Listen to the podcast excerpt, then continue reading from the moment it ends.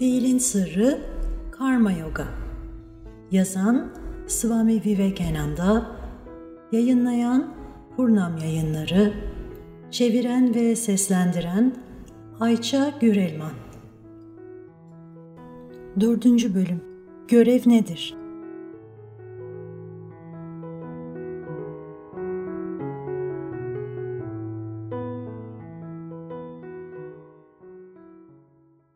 Karma yogayı incelerken görevin ne olduğunu bilmek gerekir. Bir şey yapmam gerekiyorsa öncelikle görevimin ne olduğunu bilmeliyim ki bunu yapabileyim. Görev düşüncesi farklı uluslarda farklılıklar gösterir. Müslümanlar görevlerinin Kur'an'da yazılı olduğunu, Hindular görevlerinin Vedalarda yazdığını ve Hristiyanlar görevlerinin İncil'de yazdığını söyler. Ayrıca görev düşüncesinin yaşamın farklı dönemlerinde, farklı tarihsel dönemlerde ve farklı milletlerde çeşitlilik gösterdiğini görürüz. Diğer tüm evrensel soyut terimler gibi görev teriminin de net bir şekilde tanımlanması imkansızdır. Ancak pratik işleyişini ve sonuçlarını bilerek bu terim hakkında bir fikir sahibi olabiliriz.'' Önümüzde belli olaylar cereyan ettiğinde buna karşı belli bir tavır içinde olmanın doğal veya öğrenilmiş itici gücünü hissederiz. Bu itici güç açığa çıktığında akıl durum hakkında düşünmeye başlar. Bazen mevcut koşullar altında belli bir tavırda bulunmanın iyi bir şey olduğunu düşünürken başka bir zaman koşullar tamamen aynı bile olsa aynı tavırda bulunmanın yanlış olduğunu düşünürüz. Görevin her yerdeki sıradan düşüncesine göre iyi kişiler vicdanlarının kendilerine söylediklerini izler. Ama bir fiili göreve dönüştüren nedir? Bir Hristiyan bir miktar sığır eti bulduğunda kendi yaşamını devam ettirmek için bunu yemezse veya başka birinin hayatını kurtarmak için eti bu kişiye vermezse bu kişi kesinlikle görevini yerine getirmediğini hisseder.'' Ama bir Hindu bu sığır etini yemeye cüret ederse veya bu eti başka bir Hinduya verirse görevini yapmadığını hisseder. Hindunun bu şekilde hissetmesinin nedeni aldığı eğitim ve yetiştirilme tarzıdır. Son yüzyılda Hindistan'da kendilerine gangsterler diyen ünlü bir hırsız çetesi ortaya çıkmıştır.'' Bu kişiler görevlerinin mümkün olduğunca çok insanı öldürüp paralarını almak olduğunu, öldürdükleri kişi sayısı ne kadar çoksa kendilerinin o kadar iyi olduklarını düşünmüşlerdir. Genelde bir kişi sokağa çıkıp başka birini öldürse üzüntü duyar çünkü yanlış bir şey yaptığını düşünür. Ama bu kişi askerse bırakın bir kişiyi 20 kişiyi öldürse bile görevini olağanüstü iyi yaptığını düşünerek kendisini mutlu hissedeceğine şüphe yoktur.'' Bu nedenle yapılan fiilin görevi tanımlamadığını görürüz. Görevin nesnel bir tanımını yapmak tamamen olanaksızdır. Yine de öznel açıdan bakıldığında görevin bir tanımı vardır.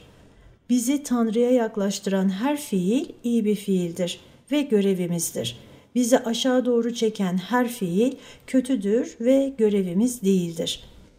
Öznel bakış açısından belli fiillerin bizi yüceltme ve soylu hale getirme eğilimine sahip olduğunu, diğer bazı fiillerin ise bizi alçaltma ve vahşileştirme eğilimine sahip olduğunu görebiliriz. Ama tüm insanlarda, tüm türlerde ve tüm şartlar altında hangi fiilin hangi eğilimi yaratacağı kesin olarak işaret etmek mümkün değildir.'' Yine de tüm insanlık tarafından tüm çağlarda, mezheplerde ve ülkelerde evrensel olarak kabul edilen bir görev tanımlaması vardır ki bu tanım Sanskrit bir vecizede şöyle özetlenmiştir. Kimseyi incitmeyin. Hiçbir varlığı incitmemek erdemdir. Herhangi bir varlığı incitmekse günahtır. Bhagavad Gita sıklıkla üstü kapalı bir şekilde görevlerin doğuma ve yaşam içindeki konuma tabi olduğunu ifade eder. Doğumla gelen ve toplum içinde üstlenilen konum çoğunlukla bireylerin yaşamın farklı fiillerine yönelik akılsal ve ahlaki tavrını belirler. Bu nedenle içinde doğduğumuz toplumun ideal ve fiillerine uygun olan, bizi yüceltip soylu hale getirecek işler yapmak görevimizdir.'' Ancak aynı ideal ve fiillerin tüm toplum ve ülkelerde rağbet görmediği bu konudaki bilgisizliğimizin bir ulusun bir diğerine karşı düşmanca davranmasının temel sebebi olduğu özellikle hatırlanmalıdır. Amerikalı bir kişi kendi ülkesinin adetlerine göre en iyi olan neyse ona göre davranır. Bu adetleri takip etmeyen kişinin ise kötü bir kişi olması gerektiğini düşünür. Hintli bir kişi tek doğrunun ve dünyadaki en iyi adetlerin kendi adetleri olduğunu düşünür. Bu adetlere uymayan kişinin yaşayan en kötü kişi olması gerektiğine inanır. Bu hepimizin yapma eğiliminde olduğu doğal bir hatadır. Ancak bu hata çok zararlıdır. Çünkü dünyadaki acımasızlığın yarısının nedeni budur. Bu ülkeye gelip Chicago fuarına gittiğimde arkamdaki bir kişi başımdaki türbanı çekti. Arkama döndüğümde bu kişinin temizce giyinmiş beyefendi görünümlü biri olduğunu gördüm. Onunla konuştuğumda İngilizce bildiğimi anlayınca çok utandı. Yine aynı fuarda başka bir sefer bir kişi beni itti. Ona bunu neden yaptığını sorunca o da utanıp kekeleyerek özür diledi. Neden böyle giyiniyorsun diye sordu. Bu kişilerin kendilerinden farklı lisanda konuşanlara ve farklı bir giyim tarzı olanlara karşı sempatileri çok sınırlıydı. Güçlü ulusların daha zayıf olan uluslara karşı baskısının çoğu bu tür bir önyargıdan kaynaklanır. Ön yargı kendi vatandaşlarına karşı hissettiği dostluk duygusunu tüketir. Bana neden kendisi gibi giyinmediğimi soran ve kıyafetimden dolayı kötü davranmak isteyen kişi belki çok iyi biri, iyi bir baba, iyi bir vatandaş olabilir. Ama doğasının nazikliği farklı giyimde birini görür görmez yok olur.'' Yabancılar her ülkede sömürülür. Çünkü bu kişiler kendilerini nasıl savunacaklarını bilmezler. Böylece bu kişiler gördükleri insanlarla ilgili hatalı izlenimleri kendi ülkelerine taşırlar. Denizciler, askerler ve tüccarlar yabancı topraklarda bir tuhaf davranırlar. Hatta belki kendi ülkelerinde rüyalarında bile görmeyecekleri bir tavır sergilerler.'' Belki de Çinlilerin Avrupalı ve Amerikalılara yabancı şeytanlar demelerinin nedeni budur. Batılı yaşam tarzındaki iyi ve nazik yanlarını görselerdi herhalde bunu söylemezlerdi. Bu nedenle hatırlamamız gereken bir nokta daima başkalarının görevlerini onların kendi gözleriyle görmeye çalışmak ve diğer kişilerin adetlerini kendi standartlarımıza göre yargılamamaktır. Evrenin standardı ben değilim. Dünya benimle uyumlu hale değil, ben dünya ile uyumlu hale gelmeliyim. Böylece çevre şartlarının görevlerimizin doğasını değiştirdiğini görürüz ve belli bir dönemdeki bize ait görevlerini yerine getirmek bu dünyada yapabileceğimiz en iyi şeydir. Öncelikle doğumla bize gelen görevi yerine getirelim. Sonra yaşamdaki ve toplumdaki konumumuzun gerektirdiği görevlerimizi yapalım. Ancak insan doğasında büyük bir tehlike vardır. Bu tehlike kişinin kendisini asla incelememesidir. Kişi kendisinin kral olarak tahta oturmaya yeterince layık olduğunu düşünür. Durum bu bile olsa kişi öncelikle konumuna ait görevi yerine getirmelidir. Daha yüce görevler kendisine sonra verilecektir. Dünyada ciddi bir şekilde çalışmaya başladığımızda dünyanın bize sağdan soldan vurması ile kısa sürede kendi konumumuzu keşfederiz. Kimse layık olmadığı bir konumda tatmin edici uzunlukta kalamaz. Doğanın düzenlemeleriyle ilgili şikayette bulunmanın bir faydası yoktur. Bu nedenle daha düşük seviyede işler yapan kişi daha düşük seviyede biri değildir. Kimse sadece yaptığı görevin doğasıyla yargılanmamalı, herkes bu görevleri yerine getirirken sergilediği tavır ve ruh haliyle yargılanmalıdır.'' İlerleyen zamanlarda görev fikrinin bile değişikliğe uğradığını ve en yüce görevlerin sadece sebep olan ben merkezci bir güdü olmadığında yapıldığını göreceğiz. Yine de görev hissiyle yapılan fiil bizi görev hissi olmadan yapılan fiile yönlendirir. Fiil bir adanmaya dönüştüğünde, hayır hatta daha yüce bir şeye dönüştüğünde fiil fiil adına yapılır. İster etik açıdan, ister sevgi açısından olsun her bir yoga akımında görevin hedefinin aynı olduğunu görürüz. Hedef, alt seviyeli benliğin değerini düşürerek yüce özbenin parlamasını sağlamak, enerjilerin alt seviyeli varoluş planlarında çarçur edilmesini azaltarak ruhun daha yüksek planlarda kendisini tezahür ettirmesini sağlamaktır.'' Bu, görevin şiddetle gerektirdiği düşük seviyeli arzuların sürekli reddiyle başarılır. Böylece toplumun tüm organizasyonu bilinçli veya bilinçsiz olarak fiil ve deneyim yoluyla gelişir. Ben merkezciliği böylece sınırlayarak insanoğlunun gerçek doğasının sınırsız bir genişlemesine yol açılır.'' Görev nadiren tatlıdır ama tekerleklerini sevgi yağlarsa görev sorunsuz bir şekilde akar. Yoksa hep bir sürtüşme, uyuşmazlık olur. Yoksa ebeveynler çocuklarına karşı olan, erkekler eşlerine karşı olan ve kadınlar kocalarına karşı olan görevlerini nasıl yapar? Yaşam boyu her gün uyuşmazlık yaşamıyor muyuz? Görev sadece sevgiyle yapılırsa tatlıdır ve sevgi yalnızca özgürlükte parlar.'' Yine de duyuların, kızgınlığın, kıskançlığın ve insan yaşamındaki her gün meydana gelen ufak tefek diğer yüzlerce şeyin kölesi olmak özgürlük müdür? Yaşamda karşılaştığımız tüm bu küçük engebeler içinde özgürlüğün en yüksek ifadesi kendini dizginlemektir.'' Kendilerini sinirli, kıskanç ruh hallerine köle eden kadınlar bunu yaparken sadece bir köle olduklarını ispat ettiklerini fark etmeden ruh halleriyle ilgili kocalarını suçlama eğiliminde olup düşündükleri haliyle kendi özgürlüklerini ileri sürerler. Aynı şey ebediyen kendi eşlerinde hata bulan erkekler için de geçerlidir. İffet erkek ve kadınlardaki ilk erdemdir ve sürekli dışarı kaçan erkeğin kibar, sevgi dolu ve iffetli bir eş tarafından doğru yola getirilmemesi çok nadirdir. Dünya henüz bu kadar kötü değil. Tüm dünyada merhametsiz kocalar ve onların iffetsiz yapılarına dair birçok şey duyarız. Ama erkekler gibi kadınlar arasında da bu kadar merhametsiz ve iffetsiz olanlar yok mudur?'' Tüm kadınlar bir kişinin inanacağı kadar sürekli iddia ettikleri üzere hep iyi ve saf olsalardı, dünyada hiç iffetsiz kişi olmayacağı için çok tatmin olurdum. Saflığın ve iffetin zafer fethedemeyeceği ne gibi bir vahşilik olabilir ki?'' Kocası dışındaki her erkeği kendi çocuğu gibi gören ve onlara karşı iyi bir anne tavrıyla yaklaşan iyi iffetli bir eşin saflık gücü o kadar büyür ki ne kadar vahşi olursa olsun bu kadının nezdindeyken havadaki kutsallığı teneffüs etmeyecek tek bir erkek bile olamaz.'' Benzer şekilde her koca kendi eşi dışındaki tüm kadınlara kendi annesi, kızı veya kız kardeşi gibi bakmalıdır.'' Yine din alimi olmak isteyen bir kişi her kadına kendi annesi gibi bakmalı ve hep buna göre davranmalıdır. Annenin konumu dünyadaki en yüce konumdur. Çünkü bu en yüce ben merkezci olmamayı öğrenip uygulamasını yapabileceğimiz bir konumdur. Tanrı sevgisi bir annenin sevgisinden daha yüce olan tek sevgidir. Diğer tüm sevgi formları daha düşük seviyelidir.'' Önce çocuklarını sonra kendisini düşünmek bir annenin görevidir. Ancak bunun yerine ebeveynler hep önce kendilerini düşünüyorsa, bunun sonucunda ebeveynler ve çocuklar arasındaki ilişki tüyleri çıkıp uçmaya hazır hale geldiğinde kendi anne babasını tanımaz hale gelen kuşlarla yavruları arasındaki ilişkiyle aynı olur. Kadına tanrısal anneliğin bir temsilcisi olarak bakan erkek kutsanmıştır.'' Erkeğe tanrısal babalığın bir temsilcisi olarak bakan kadın da kutsanmıştır. Ebeveynlerine tanrısallığın dünya üzerindeki tezahürü olarak bakan çocuklar kutsanmıştır.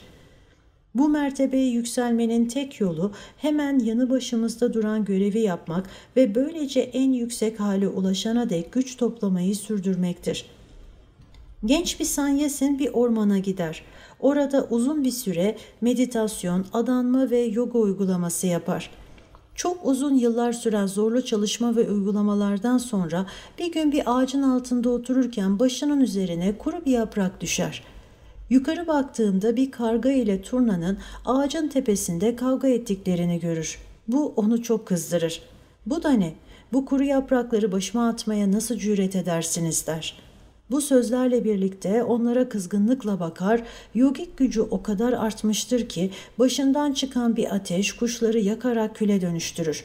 Sanyasin çok memnun olur. Bir bakışıyla karga ve turnayı yakabilecek gücü geliştirmiş olduğuna çok sevinir. Bir süre sonra yemek dilenmek için kasabaya gider. Kapıda durur ve anne bana biraz yemek ver der. Evin içinden bir ses gelir. Biraz bekle oğlum.'' Genç adam, seni lanet kadın, beni bekletmeye nasıl cüret edersin, gücümü henüz bilmiyorsun diye düşünür. O bunları düşünürken içeriden yine ses gelir. Oğlum, kendini bu kadar gözünde büyütme, burada ne karga var ne de turna. Bu kişi hayrete düşse de beklemeye devam eder. Sonunda kadın gelir ve adam alçak gönüllü bir şekilde ona anne bunu nasıl bilebildin diye sorar. Kadın Oğlum ben senin yoganı veya başka uygulamalarını bilmem. Ben basit sıradan bir kadınım. Seni beklettim çünkü kocam hasta ve ona bakıyordum. Tüm yaşamım boyunca görevimi yerine getirmek için mücadele ettim. Evli değilken anne babama olan görevlerini yerine getirdim. Şimdi evli olduğumdan kocama olan görevlerimi yerine getiriyorum. Uyguladığım yoga budur.'' Görevimi yaparken aydınlandığımdan düşüncelerini okuyabildim ve senin ormanda yapmış olduğun şeyi bilebildim der. Bundan daha yüce bir şey bilmek istiyorsa filanca kasabadaki pazara gidip oradaki pazarda bir viadayı yani avcı ve kasaplardan oluşan daha alt seviyeli bir halk sınıfına ait birini bulmasını bu kişinin Sanyasi'nin öğrenmekten çok memnun olacağı bir şey söyleyeceğini de ekler.'' Sanyasin bu kasabaya gidip neden bir viyada görmeliyim ki diye düşünür. Ancak gördüklerinden sonra zihni biraz açıldığından yine de söylenen yere gider. Kasabaya ulaştığında pazar yerini bulur ve uzakta büyük bir bıçakla et kesmekte olan, konuşan ve insanlarla pazarlık eden şişman bir viyada görür. Sanyasin bu kişiye Rabbim bana yardım et. Benim bir şeyler öğreneceğim kişi bu mu? Bu kişinin illa bir şey olduğunu söylemek gerekirse şeytanın ete kemiğe bürünmüş hali olduğunu söyleyebiliriz der. Bu arada adam kafasını kaldırıp ona doğru bakar ve ''Ey Swami seni buraya o hanım mı gönderdi? İşimi bitirene kadar bir sandalyede otur.'' der. Sanyasin buradan alacağım ne olabilir ki diye düşünür ama bir sandalyeye oturur. Adam işini yapmaya devam eder ve işini bitirdikten sonra parasını alıp sanyesine seslenir. Bayım gelin evime gidelim. Eve ulaştıklarında Viada ona bir sandalye verir ve burada bekle diyerek içeri girer. Sonra yaşlı anne ve babasını yıkar, onları besler, onları hoşnut etmek için yapılabilecek her şeyi yapar. Sonra Sanya senin yanına gelir ve şimdi bayım buraya beni görmeye geldiniz sizin için ne yapabilirim der.'' Sanyasin ona ruh ve tanrı hakkında birkaç soru sorar ve Vyada, Mahabharata'nın Vyada Gita adı verilen bölüm hakkında bir konuşma yapar. Bu bölüm Vedanta'nın en yüksek bilgilerinden birini içerir. Vyada konuşmasını bitirdiğinde Sanyasin şaşkınlığa uğrar. Neden bu beden içindesin? Sende bulunan bilgiyle neden bir Vyada'nın bedenindesin ve neden böylesine pis, çirkin işi yapıyorsun diye sorar. Oğlum diye yanıtlar Vyada. Hiçbir görev çirkin değildir. Hiçbir görev murdar değildir. Doğumum beni bu koşullara ve ortama çekti. Çocukken ticareti öğrendim. İşime bağımlı değilim ve aile sahibi biri olarak görevimi iyi yapmaya çalışıyorum. Anne ve babamı mutlu etmek için elimden gelenin en iyisini yapıyorum. Ben ne senin yoganı bilirim ne de bir sanyasine dönüştüm. Ne de dünyayı bırakıp meditasyon için ormanlara daldım.'' Senin duyduklarına ve gördüklerine kendi konumuma ait olan görevi bağımlı olmadan yaparak ulaştım. Hayatımda gördüğüm en mükemmel insanlardan biri bir bilge, yüce bir yogi Hindistan'dadır. Bu kişinin kendine has özellikleri vardır. Bu kişi kimseye bir şey öğretmez, ona bir soru sorsanız yanıt vermez. Öğretmen konumunu üstlenmek bu kişiye fazla gelir, bunu yapmaz.''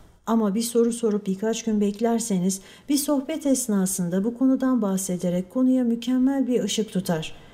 Bu kişi bir keresinde bana bırak sonuç ve araçlar bir olsun diyerek çalışmanın sırrını anlatmıştı. Herhangi bir fiilde bulunurken fiilin ötesini düşünmeyin. Fiili bir adanma olarak, en yüce adanma olarak yapın ve o an için tüm yaşamınızı bu fiile adayın.'' Öyküdeki kadın ve Viyada görevlerini neşe ile kalben yaptıklarından bunun sonucunda aydınlanmışlardı. Bu da bize yaşamın herhangi bir aşamasında görevleri doğru şekilde sonuçlara bağlanmadan yapmanın bizi ruhun mükemmelliğinin en yüce idrakine yönlendireceğini net bir şekilde gösterir. Kendi payına düşen görevin doğası hakkında şikayet edenler sonuçlara bağımlı kişilerdir.'' Bağımlı olmayan kişi için tüm görevler eşit şekilde iyidir.